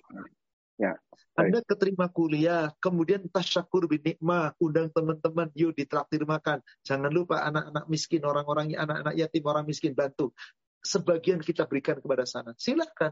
Bukan perayaan namanya. Itu tasyakur bin nikmah. Ada orang hmm. khitan. Tasyakur bin nikmah. Perayaan hitam. Ya cuma namanya saja perayaan hitam. Tapi nggak perayaan. Kenapa? Karena nggak diulang. Memang hitam tiap tahun. perayaan diterima lulusan tiap tahun. Terima kerjaan tiap tahun. Tidak kan? Tapi kalau berdirinya perusahaan tanggal sekian, tahun sekian. Tiap nanti tahun berikutnya di bulan itu dirayakan. Ah, itu namanya Aid. Sudah merayakan. Kenapa? Berulang. Sesuatu yang berulang dan dirayakan itulah yang namanya perayaan. Kalau sekedar tadi dapat nikmat, dapat tempat kuliah bagus, lulus kuliah dengan nilai yang bagus, kemudian keterima di suatu tempat pekerjaan, lalu tasyakur bin nikmat, mengajak anak-anak orang-orang yang anak-anak yang kurang mampu, mengajak hanetolan teman makan bersama, tasyakur nggak ada masalah selama tidak berlebihan dan tidak sampai meninggalkan perintah Allah. Laki-laki senangnya dipanggil adzan tetap aja duluan makannya, adanya diabaikan. Ini tidak benar perayaannya sih tidak ada. Syukurnya boleh, tapi ketika melalaikan Allah, nah ini dosanya bukan karena pelaksanaannya, tapi karena Anda lalai kepada Allah gara-gara sedang sukacita akibat lulus dan seterusnya. Berbeda. Jadi kalau tidak diulangi, maka itu bukan perayaan namanya. Anggaplah itu tasyakur bin nikmat. Meskipun orang mengatakan perayaan, hanya nama, tapi perayaan dalam Islam yang dimaksud Aid adalah sesuatu yang diulang diulang, diulang. Maka itu namanya Aid, perayaan. Demikian Allah a'lam. Alhamdulillah. Uh, aku Ustaz, sebelum saya lanjutkan ke pertanyaan berikutnya, ini jam 9 malam waktu Indonesia bagian Barat, kita sampai jam berapa ya Ustaz? Saya beri kesempatan insya Allah sampai 9 lewat seperempat. Seperempat, ah baik. Alhamdulillah. Baik, ini berikutnya Ustaz. ini ada tiga penanya, namun singkat-singkat dan kelihatannya sangat mirip ya, jadi kami gabungkan. Yang pertama, Assalamualaikum Ustaz. E, seperti tahlilan itu, apakah sebaiknya dilakukan sendirian? Itu yang pertama. Yang kedua, perayaan hari Jumat itu perayaan apa Ustaz? Perayaan seperti apa? Itu yang kedua. Dan ketiga, apakah tahlilan ada dalam mazhab Syafi'i? Tahlilan apakah sebaiknya dilakukan sendirian? Tahlil itu sendiri.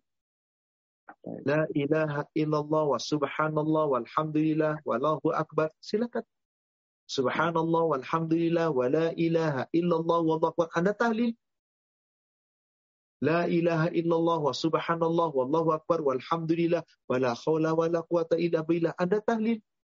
Setiap Anda selesai sholat, salam ke kanan, ke kiri, Allahumma anta salam, dan seterusnya ditambah. La ilaha illallah wahdahu la syarikalah, lahul mulku wa lahul hamdu wa ala kulli syai'in qadir. Anda tahlil sendiri seperti ini.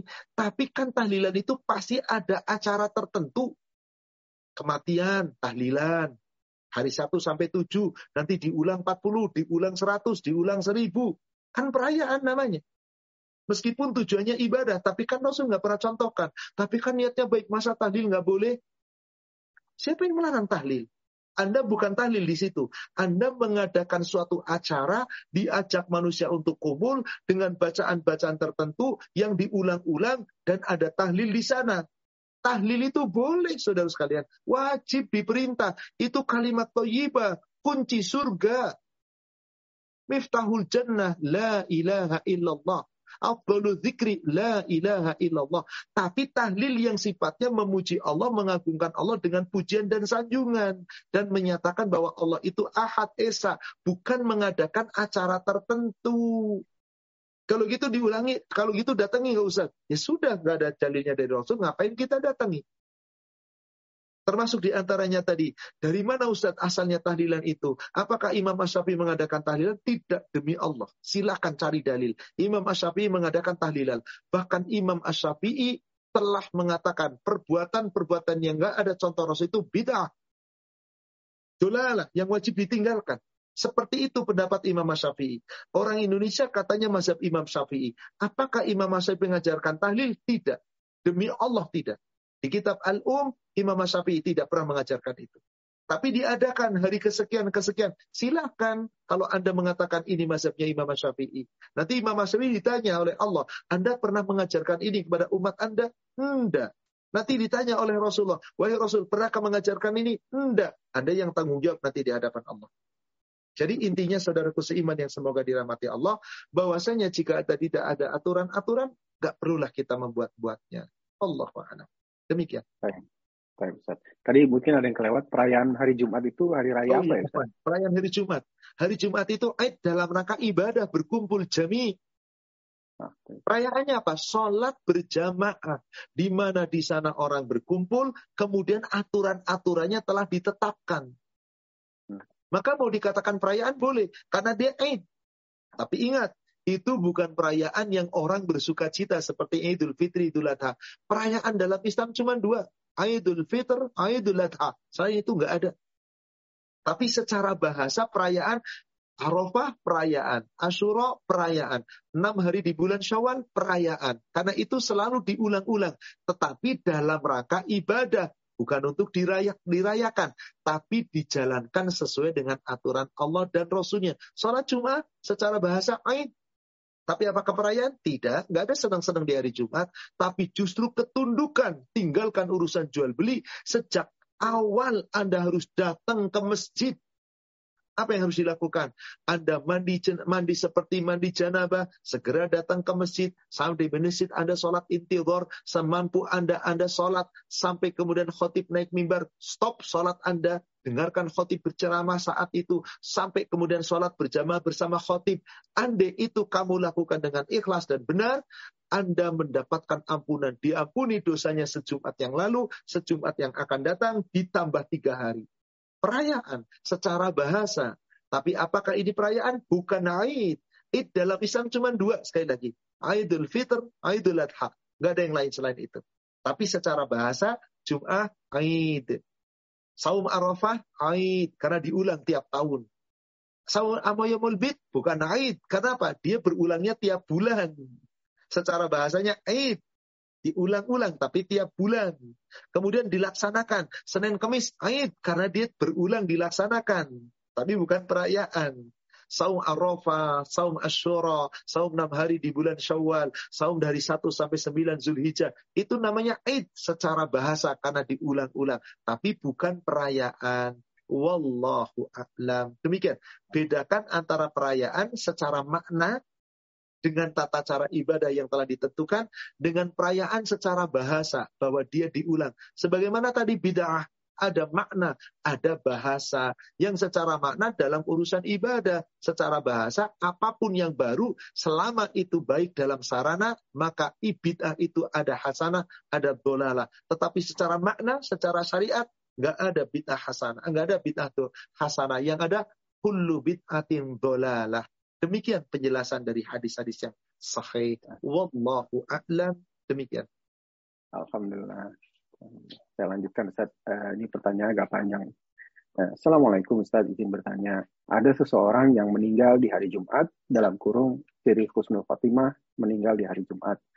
Uh, tapi beliau rahimahullah selagi hidup belum belum mengenal sunnah, masih melakukan acara maulid Nabi, rajaban, mahabanan, dan sebagainya. Bagaimana menurut Ustaz dengan hal yang seperti ini? Saudaraku seiman, ketika Rasul menyebutkan ciri-ciri husul khotimah dengan keadaan, dengan hari dan seterusnya.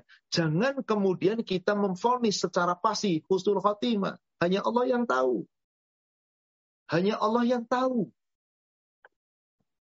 Betul bahwasanya Rasul mengatakan siapa yang wafat di hari Jumat, insya Allah husnul khotimah. Tapi keadaan orang itunya seperti apa? Apakah ibadahnya benar atau tidak. Kalau digambarkan tadi masih tidak mau mengikuti aturan Rasul, bahkan banyak mengadakan perayaan yang bid'ah dan seterusnya. Saya hanya mengatakan wallahu a'lam. Hanya Allah yang tahu dan dirinya yang tahu apakah saat mati husnul khotimah atau tidak. Husnul khotimah itu bukan hanya sekedar harinya, tapi yang paling menjadi talak ukur dia husnul khotimah adalah iman dan takwanya. Bukan harinya kapan. Maaf, Rasul wafat hari apa? Senin. Bukan Jumat. Hmm. Rasul wafat hari Senin, bukan Jumat. Subhanallah. Apakah kemudian mereka karena wafat bukan Jumat berarti akan menjadi sesuatu yang tidak baik? Tidak. Apakah yang wafat Jumat pasti baik?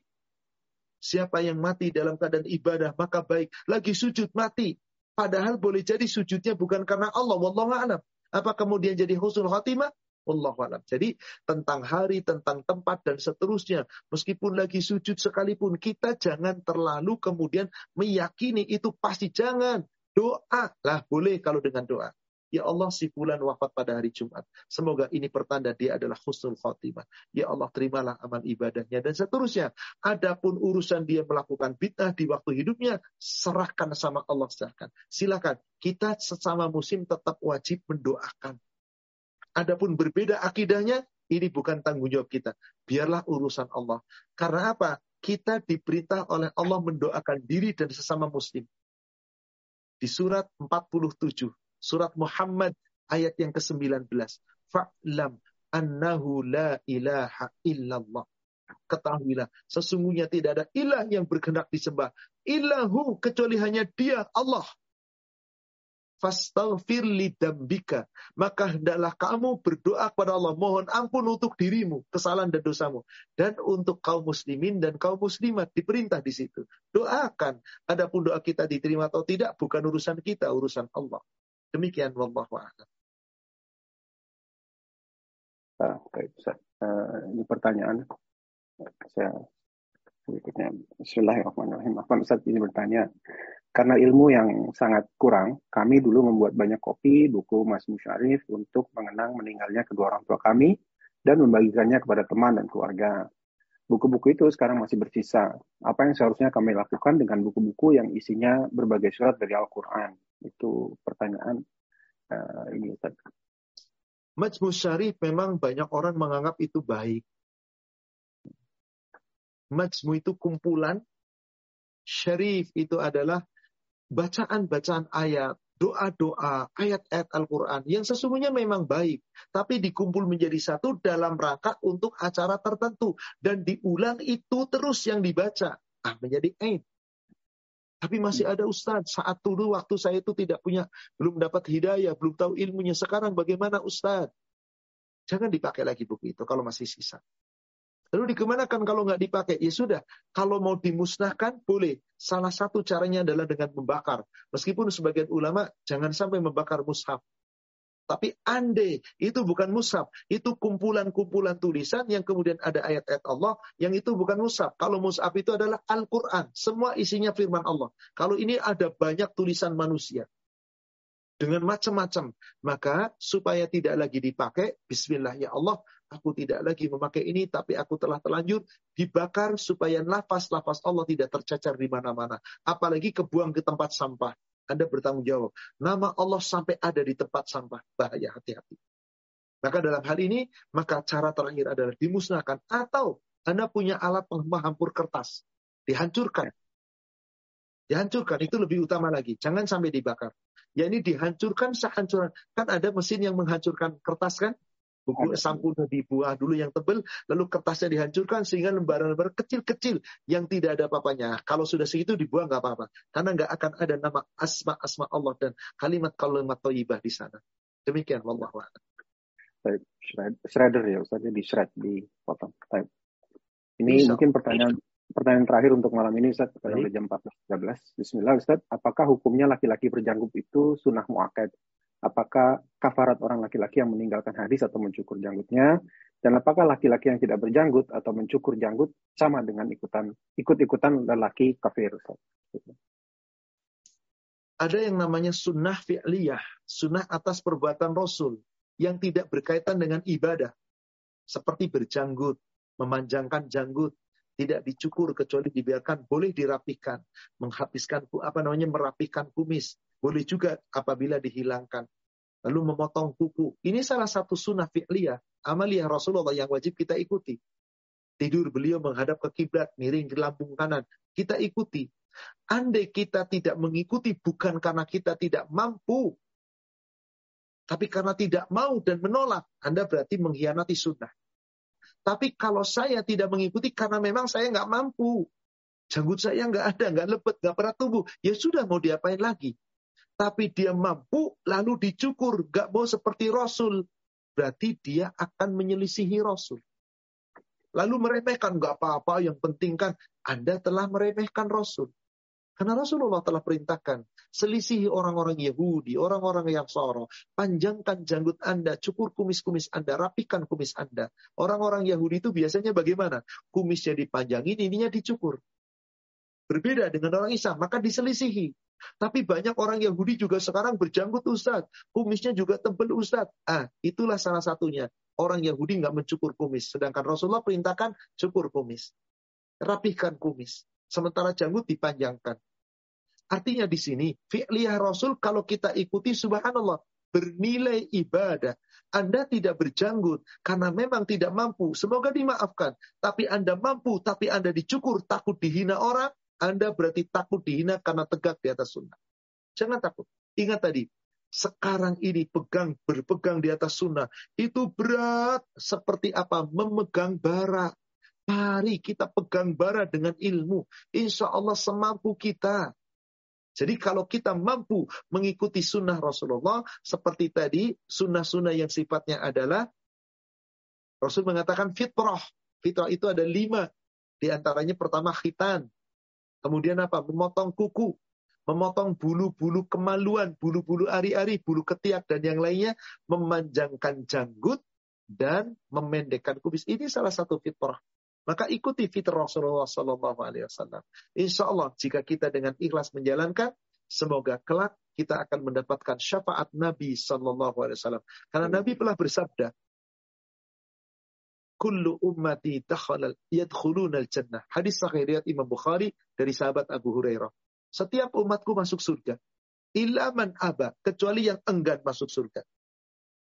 Sahabat bertanya, Ya Rasulullah, wa mayyakba, siapa umat anda yang menolak masuk surga, yang enggan masuk surga? Rasul menjawabnya dengan diplomatis, Bapak Ibu sekalian.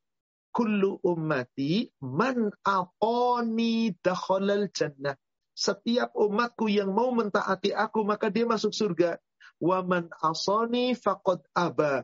Tapi umatku yang tidak mau mengikuti sunnahku, yang mendurhakai aku, sesungguhnya umatku itu enggan masuk surga. Jadi tergantung kita mau ikuti Rasul atau tidak. Maka di situlah surga atau tidaknya.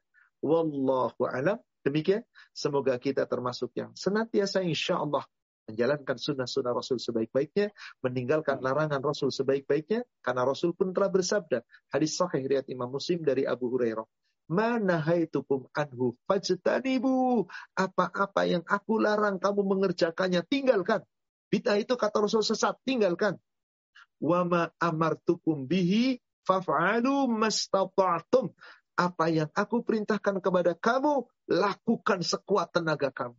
Ini pesan Nabi Sallallahu Alaihi Wasallam. Semoga kita termasuk orang yang berpegang kepada bara api tadi, kepada sunnah dan tempat, meskipun berat, mari kita tetap berpegang. Insya Allah semoga kita selamat dunia sampai ke akhirat nanti. Amin ya rabbal alamin. Wallahu a'lam. Demikian saudaraku seiman, kajian kita pada malam hari ini. Insya Allah tentang perayaan-perayaan yang dilarang, kita masih membahas satu sesi lagi di pertemuan bulan depan. Semoga Allah pertemukan kita. Insya Allah. Mari saudaraku seiman, kita sama-sama akhiri dengan doa kafaratul majlis. Subhanaka bihamdika asyhadu an la ilaha illa anta astaghfiruka wa atubu ilaik. Alhamdulillah billahi taufik. Assalamualaikum warahmatullahi wabarakatuh. Waalaikumsalam warahmatullahi wabarakatuh. Jazakallahu khairan. Jazakumullahu khairan kepada admin. Barakallahu fikum wa jazakumullahu khairan untuk para jamaah semua. Saya mohon pamit, akhir. Ya, saya Ustaz. Alhamdulillah. Dari kami cukup sekian. Kami mohon maaf jika ada kesalahan maupun uh, kekurangan dalam penyajian, dalam kalimat, kata maupun sikap. Insya Allah kita akan bertemu kembali bulan depan dan uh, akhir minggu ini, akhir minggu depan kita akan ada kajian kembali. Barakallahu fikum. Bilahi taufiq wa hidayah. Wassalamualaikum warahmatullahi wabarakatuh.